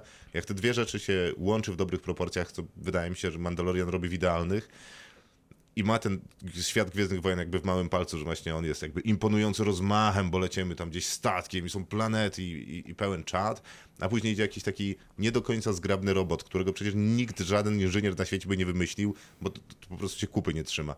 No i to jest, y, to jest duża rzecz, Ja tu czuję po prostu miłość, którą John Favreau prosto ze swojego serca postanowił przekazać takiego fanowskiego i opowiedzieć swojemu wewnętrznemu dziecku historię Gwiezdnych Wojen na nowo, tak jak on chciał przez pryzmat swoich wspomnień, właśnie wyciągnął wszystko to, co jest najlepsze, a przynajmniej dla niego było i dla mnie okazuje się, że też zawsze było najlepsze, czyli właśnie te światy, te stworzenia, tą przygodę, tą czystą przygodę. Tylko, że tutaj też jest dużo postaci ludzkich, Ale- które są fajne. też w, w końcu są może wyprane z tego patetycznego ciągle omawiania tych granic między dobrem i złem, wiecznego wyboru. Tutaj trochę to skupienie się na relacji między Nie, no Mandalorianem a Baby Manda- Ale. Mandalorian cały czas wybiera między dobrem a złem. Tak, Tak. ale, This ale the way or not. This is the way jest wystarczającą formułą, żeby powiedzieć, że tak. trzeba wybrać, a nie Mnie- trzeba robić, wiesz, To oni, to 15-minutowych... oni na zmianę e, robią may the, may the force be with you i Mnie to najbardziej zaskoczyło w tym, w tym, jak ten serial jest wymyślony, to, że on jest dla mnie takim proceduralem trochę. trochę jest. Zresztą zwłaszcza y, pierwszy sezon. Tak, bo, bo każdy praktycznie odcinek rozpoczyna się od tego, że on wpada gdzieś i, do, i dostaje jakąś misję Mhm. i musi uczestniczyć w tej misji i dzięki temu dostaje jakieś informacje, czy jakiś, nie wiem, kolejny klocek do y, rozwiązania tej tajemnicy, czy jak pomóc temu małemu jodzie, czy, czy jak do... Y, Bo ura- tytułowa postać Mandaloriana jest łowcą nagród Tak. z takiej rasy, która właśnie tym się głównie zajmuje i ma taki pancerz, który rytualnie mu wykuwają i ta This is the way jest religią postępowania i pojawia się właśnie postać tego Baby Baby, Jody. Jody, którego a, powiedzmy, że musi uratować. Musi uratować, chociaż to jest jego zadanie tak naprawdę, żeby go złapać, bo dostaje po prostu zlecenie od e, postaci, która się nazywa The Client i gra go fenomenalnie Oczywiście. Werner Herzog, który zawsze jest cudowny. który, który nigdy nie, nie nauczy się mówić po angielsku On nie solidnie. musi. Co jest Ale- jego największą zaletą prawdopodobnie. Absolutnie tak. Słuchałem, A tutaj ja mam wrażenie, że w tym serialu to on wręcz jeszcze podkręcał ten swój akcent, bo John Favreau mówi give me more. więc no. Ale słuchałem swojego czasu wywiadu z Herzogiem, który opowiadał, że Miałeś zamknięte oczy i pławiłeś się w jego głosie? Tak, to prawda. Ja- On brzmiał trochę jak Wilon, y, jak udzielał tego wywiadu i mówił, że. Chyba no, nie umie, potra- nie umie Nie, brzmieć nie, nie inaczej. potrafi. Tak, że właśnie wrócił z planu Gwiezdnych Wojen i tam dziennikarz go pyta, a kogo grasz? On pyta, jak sądzisz? Y, Więc taka jest rozmowa. On pyta, aha, no a co będziesz robił teraz? On mówi, że prowadzę zajęcia na filmówce, niestety nie pamiętam na której, wydaje mi się, że gdzieś w Niemczech. Mówi, a zabieram moich studentów, żeby spróbowali sobie pokręcić zdjęcia. Gdzie ich zabierasz? Do dżungli. Oczywiście, Na tydzień z plecakami i kamerami. Oczywiście, że Gdzież, do dżungli. gdzieżby indziej mógłby zabrać Werner Herzog swoich Klaus studentów? Kinki, właśnie. Chiński po prostu zazdrościć by mógł tylko. Ja myślę, że wszyscy studenci filmówki mogliby prawda, zazdrościć to swoim prawda. kolegom y, zajęć z Herzogiem. Okej, jesteśmy z Baby Jodą i Mandalorianem, ruszają y, w podróż. Te różne właśnie wyprawy epizodyczne. Tak, ale ten procedural, o którym mówisz, wydaje mi się, że o tyle pasuje do Mandaloriana, że on jest jednak łowcą nagród. Tak, tak, tak, to rzeczywiście działa. Myślę, że on rozwiązuje zagadki, szuka e, właśnie tych kolejnych, kolejnych em, Puzzli. e, złoczyńców, których trzeba złapać i za nich dostać pieniądze albo informacje, pomóc tutaj, nie wiem, tutaj ludziom, tutaj tym ludziom udających, udającym Mandalorianów, Mandalorianinów, tak ktoś To nie... po polsku niby, ale e, którzy też próbują, chcą przejąć władzę nad e, Mandalore, tak? Czyli tą, tą planetą, która, z której wychodzą, wy, pochodzą ci wszyscy, ci wszyscy łowcy. Tak. Więc e, jest to bardzo ciekawy pomysł i myślę, że e, pomaga też ten format odcinków. problem, problem jest problem oczywiście w, z Bo tego tam jest kilkunastominutowy. tak, z tego typu pomysłem jest taki, że przez to niektóre odcinki mogą być dużo lepsze od innych. E, natomiast mam wrażenie, że tego problemu nie ma w tym serialu, bo raczej po prostu odcinki są wszystkie dobre. A jak już są, e, a jak są jakieś, to po prostu niektóre są dużo lepsze od tych dobrych. Ja nie miałem żadnego problemu z pierwszym sezonem, naprawdę. Y, Nic mnie tam nie tknęło na nie. Bardzo mi Mhm. się podobają też te wątki religijne tego, e, kiedy oni odkrywają trochę kart i, i, i, i tłumaczą, na czym mniej więcej ta religia polega. Na tym, że religia może być też no, mniej lub bardziej taka fundamentalna, czy momentami fanatyczna. I Taka jakie bardzo ma radykalna, tak, tak, tak. mhm. konsekwencje dla świata, ale też takiego jakby ślepej wiary y, y, w, i z czego się bierze ta ślepa... Zasady. Tak, Mhm. i z czego się biorą te zasady, i z czego bierze się ślepa wiara, że ktoś decyduje się tak głęboko wchodzić w religię. Świetna oczywiście jest relacja z Baby Rod- Jodą, to jest doskonale wymyślone. Natomiast ja wolę pierwszy sezon od drugiego, bo drugi wydaje mi się, że jest trochę jednak drogą na skróty, taką już historią z początkiem, środkiem i końcem, co oczywiście nigdy nie jest wadą w wypadku opowiadania historii, ale te tropy są już takie dosyć oczywiste.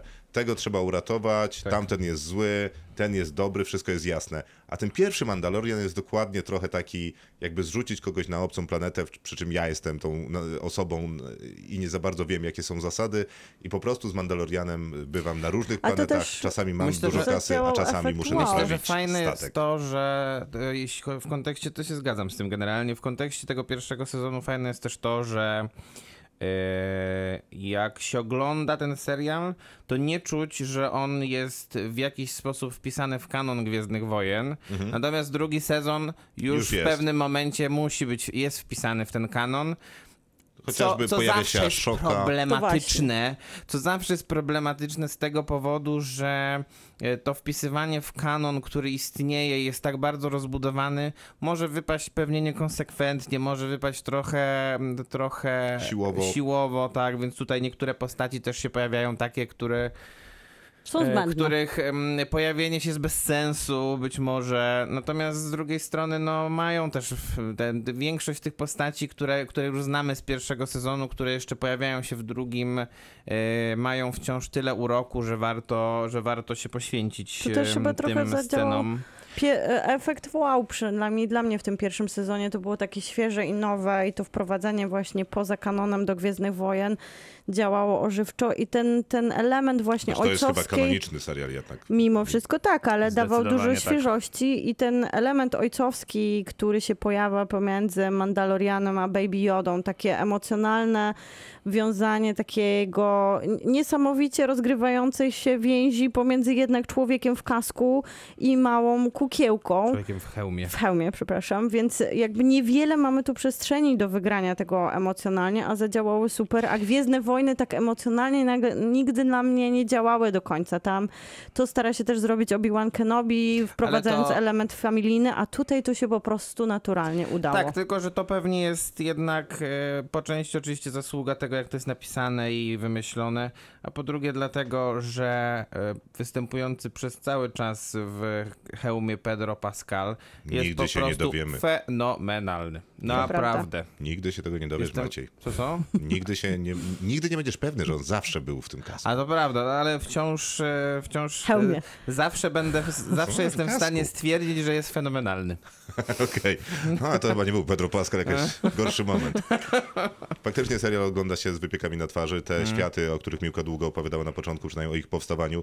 E, nieważne jaka to była technologia w gruncie rzeczy, bo po prostu efekt jest piorunujący. Jest. Działa. Tam jest ta scena z... Wszystkie te światy są super. Tak, Tak. tak, tak, tak. To wszystko jest prawda. Ja bardzo lubię gdzie jest to wielkie coś, co jest pod ziemią, staram się nie Mam, spoilerować. mam nazwę a nawet. później kroją to na kawałki. To jest naprawdę dobre. Mm. Zresztą dużo tego jest. I faktycznie i dużo tutaj jest tego samurajskiego kina, i dużo jest e, tego westernu, chociaż wydaje mi się, że jakiegoś takiego bardziej strafnego westernu.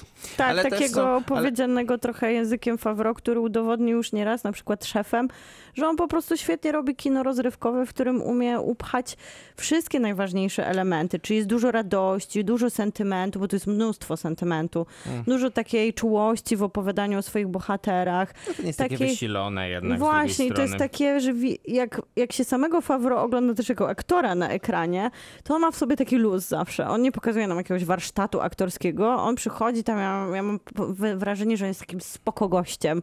I jak on opowiada te Gwiezdne Wojny, to on nas dok- dokładnie zanurza w to samo takie poczucie, że to jest świetny Bart, on potrafi to opowiadać, on kocha tą anegdotę, którą Ważne serwuje. też, że castingowo tu się wszystko w miarę zgadza. Poza, je, poza wyjątkiem, o którym już Krzyśkowi wczoraj pisałem, a mi nie odpisał, więc nie wiem, czy ma takie samo zdanie, Uwaga, natomiast je uwaga. A, wygłoszę. nie wiem, czy... Uwaga, A, uwaga. widzę, pisałeś, sorry, czekaj. Gina Carano, której na szczęście nie będzie w trzecim sezonie i nie ze względu na to, że postać zostanie w jakiś Nie, sposób uśmiercona, tylko ze względu na to, że ona po prostu ma bardzo kontrowersyjne poglądy polityczne. które tweetuje e, oficjalnie. Które tweetuje niews- nieskończoność. Ostatnio nawet pisała o tym, że według niej wojna w Ukrainie się nie toczy, więc naprawdę, Tak, e, ona naprawdę ciężkie odwołana. klimaty. Patrz, I on, jesteś na tym Twitterze, masz 160 znaków, a potrafisz się zwolnić z hollywoodzkiej produkcji. Potrafisz. prawda? A I to tym- konsekwentnie cały czas dalej się zwalnia. Ona jest naprawdę słaba. W sensie ona naprawdę jest słaba. Postać jest fanta- fajna, interesująca, można byłoby na niej zbudować coś, natomiast ona jest po prostu słabą aktorką. W sensie ona nie jest aktorką, tylko jest jakąś byłą zawodniczką MMA, więc to pewnie widać te ograniczenia, ale z drugiej strony, no, może za dużo jej dawano niektórych możliwości. E, No ale dla równowagi ta ca- reszta Ja tej mówiąc obsady nie mi się miałem, podoba. nie Ja nie miałam też żadnego, żadnego problemu, problemu. dopóki Nie, się no nie to dowiedziałam ja- mojej uf. prawdziwej, osobistej, jakby tutaj w, wkła- w jakby tym, co się działo w jej życiu, a nie na ekranie. Ja chciałam tylko dodać, że to jest serial, który miał otworzyć całą franczyzę Gwiezdnych Wojen na małym ekranie serialowym, a ogląda się to tak, jakby to nie, nie było tworzone pod telewizję. W, sensie, że można To o prawda. niektórych serialach powiedzieć, że to są seriale telewizyjne, że one się wpisują w ten format. Mandalorian jest takim wydarzeniem poza tym formatem telewizyjnym i to chyba jest najpiękniejsze, co może otwierać takie serialowe sytuacje dla Gwiezdnych Wojen, bo później już nam formaty sprzedają dużo bardziej skonstruowane na mały ekran. 10 na 10. Ja też. Ja też. Chociaż zaznaczam, że drugi sezon jest 9 na 10, no ale średnia jest jaka jest. Kinotok. Serial. Obi-Wan Kenobi z Iwanem McGregorem powracającym do tej e, roli, co Po obudziło we 17 mnie latach. szaloną ekscytację. I co? I, I już nie jestem I podekscytowany. nic z tego nie zostało? Sześć odcinków zaledwie na Disney+. O, Plus. jaka szkoda. Jakich tak samo jak bolesnych i Mandalorian długich. czeka. No i jest to nieudany serial. E, Jesteśmy tuż po, znaczy może nie tak tuż, ale niewiele po słynnym rozkazie 66, który padł w zemście Sithów. Obi-Wan Kenobi e, ucieka, e, znaczy zgodnie z, z tym, co postanowił z mistrzem Jodą, opiekuje się młodym Luke'iem, który Na jest odległość. dzieckiem Padme. Natomiast Leia, czyli bliźniaczka Luka, żyje w pałacu też zgodnie z, z planem jako, Tak, senatora Organy. tak, jako młoda księżniczka. E, no i zostaje porwana przez e, wraże siły.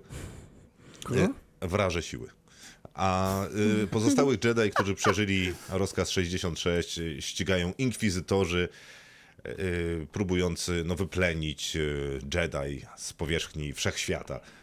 Taka jest historia, no więc y, Fascynująca. aby Leję uratować, Obi-Wan Kenobi raz jeszcze będzie musiał wrócić do I porzucić, mocy. musi porzucić Luka. I tak, musi porzucić opiekę nad Lukiem. Zresztą ta opieka też jest taka sobie, no bo tam nie za bardzo jest dopuszczany do tej opieki. No więc rusza raz jeszcze być Jedi na ścieżce dobra i prawości. No i tu jest chyba taki pomysł, żeby to, tak jak w Mandalorianie, to się udało połączyć ten element Obi-Wan Kenobi, Lei jako takiej rodzinnej, familijnej opowieści. On ją musi znaleźć, później trochę musi jej zastąpić ojca, wytłumaczyć jakby dlaczego ona żyje w niewiedzy, kim są jej prawdziwi rodzice i pomóc jej odnaleźć sobie siłę i niezależność i to zupełnie nie działa. Nie, nie, jest to fatalne, fatalne jeszcze raz fatalne. Naprawdę. W sensie, jakby to porównać do jakości y, niektórych epizodów Gwiezdnych Wojen, to to jest, y, to to jest tak samo słabe jak Skywalker Odrodzenie, czyli najgorsza część Gwiezdnych Wojen moim zdaniem. E, Nie ma tu nic dobrego według mnie. W A jest tu sensie- Iwan McGregor, który jest dobrym aktorem. Tak, tak, wiadomo. I nawet dobrze, działa. i nawet dobrze działał jako przecież Obi-Wan Kenobi młody w tych e, pierwszych trzech epizodach. I wyciągał za uszy Haydena Christensena, Tak. tworząc naprawdę taką y, kumpelską, braterską Zgadza się. relację. A tutaj e, wygląda to tak, jakby on był zmęczony, jakby twórcy byli zmęczeni w ogóle, a poza tym e, z tego co wszyscy, z tego co wiadomo, to ten serial miał być filmem, który został przedłużony do serialu, więc Tak, to zamiast... były jeszcze czasy tych y, Star Wars y, Stories. Tak. I powstały dwa, Han Solo I Rogue One. I Rogue Mhm. One. Obi-Wan Kenobi miał być następny. Tak, no tylko, że Han Solo okazał się klapą też finansową, więc dlatego ten projekt e, porzucono i przeniesiono na Disney Plus w formie serialu, no i niestety to też widać, bo po prostu te odcinki, które mogły być kawałkami filmu i wtedy może byłoby to bardziej skupione i ciekawsze, e, przedłużano, przedłużano do godzinnych odcinków, bo właściwie wszystkie są takie chyba 45-minutowo-godzinne. Co Tak. boli i nuży. I No, a- prawdopodobnie to, co diagnozujesz tutaj, to, że rozciągnięto film na serial, jest największym problemem tego, y, tej opowieści. To jest największym problemem. Jeszcze jeden znajduję, który uważam, że jest naprawdę już skandaliczny w pewnym sensie, bo e, w tym filmie, w tym serialu nagle wprowadzono, e, wprowadza się postać Lorda Vadera tylko po to, żeby wprowadzić postać Lorda Vadera. Ja tylko po to, żeby, żeby, był, żeby fan serwis był jakiś. Ona nie ma, wprowadzenie tej postaci do, tego, do tej fabuły nie ma żadnego sensu. E, co więcej, nie, nie robi ona żadnego takiego impaktu emocjonalnego. Ja byłem Żadnego. zdenerwowany wręcz, że on został wprowadzony, bo przez to, że on tutaj jest, to, to jest jeszcze gorzej czasem. Tak, ponieważ tam jest historia tych inkwizytorów i tam jest trzecia siostra, piąty brat, y, ich jest tam trójka, czyli byłych Jedi, którzy stwierdzili, że jednak będą ścigać Jedi i wyciągają czerwone miecze. I oni są, y, widać, że to są postaci, które zostały napisane, zbudowane, wymyślono im kostiumy i widać też bardzo wyraźnie w tych sześciu odcinkach, że to są postaci, które mają walczyć z Obi-Wanem Kenobim. To są jego przeciwnicy w tym serialu. Darth Vader został dopisany na jakimś późniejszym etapie, Ewidentnie. kompletnie Tak. nie, y, niepotrzebnie, zderza się czołowo po prostu z całą tą inkwizycją, bo jest tam w ogóle niepotrzebny, przez to i historia tych inkwizytorów, która zresztą, tam jest niezła próba opowiedzenia jednej z nich y, historię, naprawdę całkiem ciekawa, dobrze Tak, łącząca się fatalna. z Haydenem Christensenem i Darthem Vaderem. Wszystko niby by, byłoby na miejscu, ale nie, będziemy mieli sześć pączków, fanserwis musi być. Aktorka jest fatalna, ale jest też dobra aktorka w tym serialu, która mi się bardzo podobała, którą znamy z gry o Tron, nazywa się Indira Varma, gra Tale w serialu. To jest y, przywódczyni Tak, Ona jest dobra tych rebeliantów, którzy w zasadzie są koleją podziemną, tak, tą koleją y, podziemną ze Stanów Zjednoczonych, która e, pomagała Afroamerykanom. E, tylko, że oni z kolei tworzą taki, taki ciąg przerzutu dla Jedi. Ja do tego Lorda Vadera dodam, że to też przy okazji są epickie postacie, bo najważniejsze to miało być wielkie starcie przecież, które mieliśmy oglądać Obi-Wan Kenobi, jego były uczeń, mistrz zjada ucznia i to wszystkie jakby... A to nie Co już się wydarzyło zresztą. Oczywiście, ale jakby tak zmarnowany... Tak zmarnowany potencjał postaci, tak zmarnowane jednak zaproszenie jednego z ważniejszych w całym uniwersum złych, ale i dobrych charakterów, takich dwuznacznych. I zmarnowanie go na wsadzenie, upchanie do małego serialiku, żeby po prostu pokazać jednak kiepskie momenty scen walki i zupełnie dramatyczne elementy, nie wy, jakby niewyładowania emocjonalnego, które powinno między nimi być i wybuchać, jest trochę Nie, nie, żenujące to i najgorsze. smutne, to jest To- po prostu tragiczny element tego W sensie, serialu. y, te sceny walki między nimi to chyba y, to są zdecydowanie najgorsze, ze względu na to, że po pierwsze one nie wyglądają tak, jak powinny wyglądać. To są jednak, nie są tacy starzy ludzie, jak w Nowej Nadziei, gdzie po, walka między Obi-Wanem Kenobi a, e, a Lordem Vaderem trwa może 30 sekund, bo e, Alec Guinness był starym człowiekiem i trzeba było mu po prostu w miarę szybko tę walkę zakończyć, więc tam nic wielkiego się nie działo. To pewnie kaskader walczył w jego imieniu, bo jednak jest w kasku i- cały no czas. wciąż, w no hełmie. i, Znaczy nie, ale Guinness to, to jest Obi-Wan Kenobi, więc nie. Chodzi, chodzi ci o tego, ten, tak? A, tak, to prawda, to no, prawda. więc, y, więc y, to wyglądało jak walka emerytów rzeczywiście, bo też, bo też Lord Vader był w tym samym wieku mniej więcej co stary Obi-Wan Kenobi. Oni tutaj walczą mniej więcej tak samo, a to było w 77 roku. Nie, no jest to ja bardzo mam na to wytłumaczenie nawet. Mhm. No wytłumaczenie jest takie, że... Z kanonu. E, Tak, że fandom nie pozwala na więcej, ponieważ Darth Vader walczy takim, a nie innym st- stylem. Tak jak hrabia Duku i każdy inny ma swój styl walki, jest tam ileś, poszczególni Jedi wybierają swoje i Darth Vader ma tak walczyć. A Obi-Wan Kenobi akurat w finałowej walce powiedziałbym, że jest całkiem żywotny.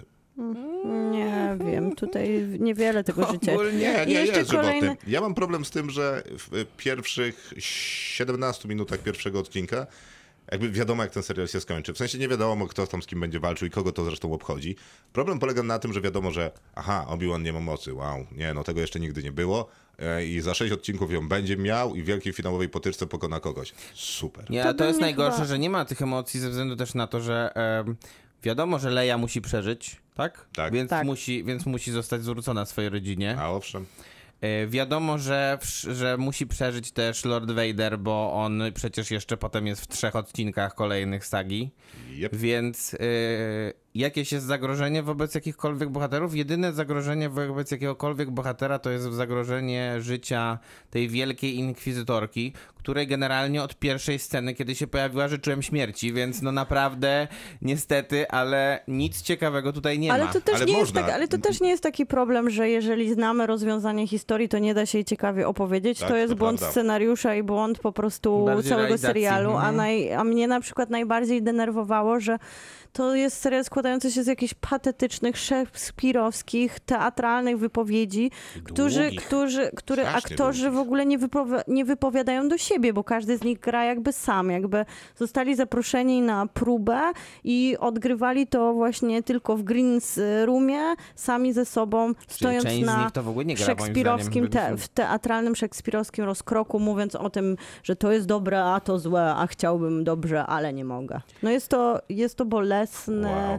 No, to Chociaż jest, jest to naprawdę 6 złe. odcinków, to mi się ciągnęło w nieskończoność. No nie no, Naprawdę nie no, chciałam E, Tak jak mówiłem, w no. Mandaloriana obejrzałem w dwa dni 16 odcinków. Tutaj jest 6 odcinków i naprawdę z, z tego co pamiętam, a nie chcę już pamiętać tego, to zajęło mi to chyba ze 4 wieczory. Więc no to pokazuje jednak jakiej jakości tutaj jest realizacja, a jakiej tam była. Tak, jakość realizacyjna jest fatalna, co jest w ogóle też dziwne, biorąc pod uwagę te Mm. pieniądze, źle rozwiązany pomysł na scenariusz, natomiast biorąc pod uwagę to, że jest tam kilka ciekawych pomysłów, bo i ta kolej podziemna jest ciekawa i to, mm, Tak.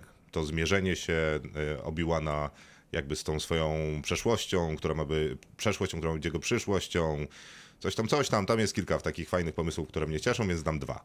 Ja też dwa. A ja dam jeden. Kinotok. Film. Recenzujemy Young, czyli angielskie After Young. Reżyseruje Kogonada. E, Film, na który długo czekaliśmy, bardzo długo nie mogliśmy potwierdzić, czy w ogóle będzie miał polską dystrybucję tych pokazów To będę przedpremierowych. miał dużo przedpremierowych pokazów. Tak, było bardzo dużo. Bo już e, był w Stanach Zjednoczonych od roku w sumie W Stanach Zjednoczonych jest później... absolutnie wszędzie, na Tak, a później wszystkich miał streamingach. platformy też swoje. On na, to jest niewiarygodne, ale on w Stanach Zjednoczonych zdążył wyjść już na DVD. Tak, tak, tak, więc to jest bardzo długie oczekiwanie. Ciekawa historia jest Kogonady, którego znamy z Kolumbusa, który w Polsce też nie miał praktycznie żadnej dystrybucji poza małymi festiwalami. Jest to takie małe kino, którym debiutował na przykład we Wrocławiu na mówi, Miasto Mówi miał swój pokaz, bo to jest... Tak było, ale film- zresztą ma też, chyba przy Pacinko pracował? Tak, on e, pracował przy Pacingo, nacz- nakręcił cztery odcinki, a wcześniej, co ciekawe, Kogonada zajmuje się esejami filmowymi, które są nową formą krytyki w Stanach Zjednoczonych i w ten sposób opowiada Nie, no, o... Mamy też eseje Patry- filmowe w Polsce. Mamy. Patrycja Mucha robi na wyrywki, można zobaczyć na jej gałęzi, świetne. tak, robi. tak, no ale w, jakby w Stanach się zaczął ten ruch i właśnie jednym z pierwszych ludzi, który takie eseje filmowe o krytyczne tworzył właśnie Kogonada, zaczął od Breaking Bad, gdzie znalazł jakby sposób, gdzie stwierdził oglądając serial, że ten sposób kręcenia jest bardzo ciekawy i zaczął wybierać kadry, które składał na takie filmiki. On e, robił te na przykład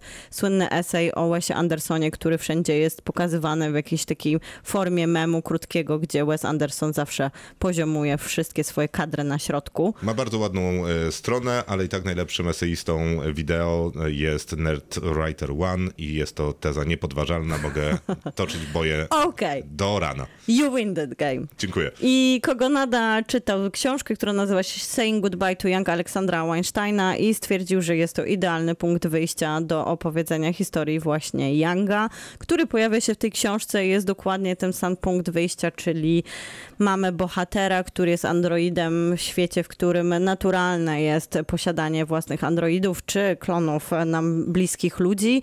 On jest takim androidem, którego się zakupywało Kulturowym. do adopcji dziecka. W tym wypadku amerykańska rodzina adoptuje chińskie dziecko i on jest takim elementem przenoszenia spuścizny chińskiej, tej adopto- adopcyjnej dziewczynki, więc pomaga jej odnaleźć swoją chińską tożsamość w rodzinie, która z Chin nie pochodzi.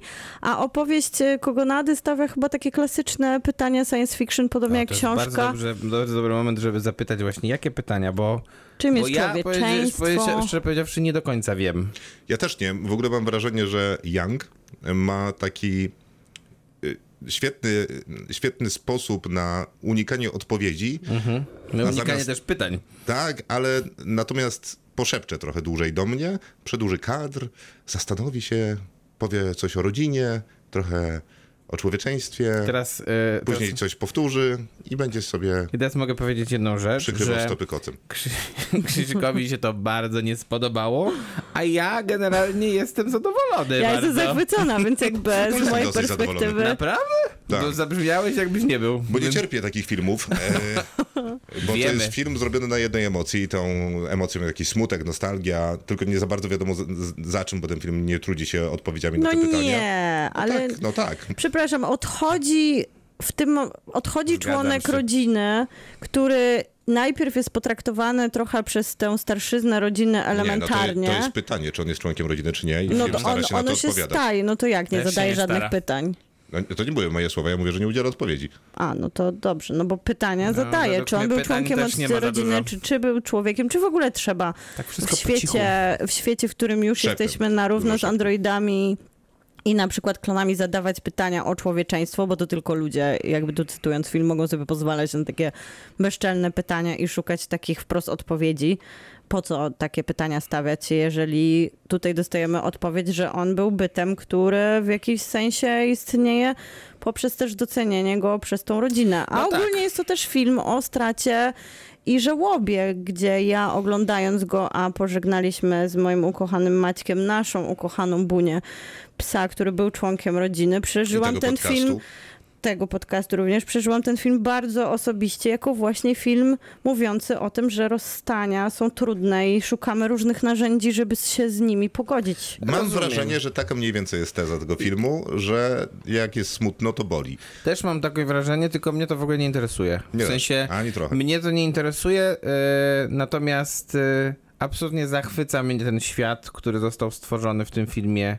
Chciałbym jeździć tymi samochodami, Chciałbym, e, chciałbym mieć Nosić w ogóle. ubrania. Chciałbym w ogóle mieć takiego robota. Chciałbym e, mieć możliwość e, oglądania tego typu wspomnień w taki niesamowicie efektowny, piękny sposób. No ale to tam też nikt nie ma tej możliwości. No tak, to prawda. No, No, ale ale, ale trochę uczestniczyły w tym jednym wyjątku, który ma i jest Chcia- to imponujące. chciałbym, żeby właśnie e, tak, w, w takim domu mógłbym też mieszkać. Zupełnie nie miałbym z tym problemu. Chociaż nie Jakby, jakby Colin Farrell był moim mężem, też byłbym zadowolony, naprawdę. Więc ogólnie to w tym, się, w tym filmie raczej wszystko się zgadza. Poza tym, że ja nie wiem o czym on jest, ale z drugiej strony. Wystarczy mi, że on jest, bo on jest takim dobrym, dobrym kompanem, ten film, do spędzenia wieczoru, takiego, takiej wspólnej podróży po nie do końca wiadomo jakim świecie. Też najbardziej przekonuje mnie świat, ponieważ to jest świat ciekawych możliwości i ciekawych odpowiedzi. Nie bardzo mnie przekonuje, znaczy nie, nie wiem dlaczego od początku y, ta relacja dwójki głównych aktorów jest taka trudna, ale później y, zakładam, że domyślam się jakie było założenie tego, kto pisał scenariusz, zresztą to też kogo nada, bo i scenariusz i reżyseria to ta sama osoba.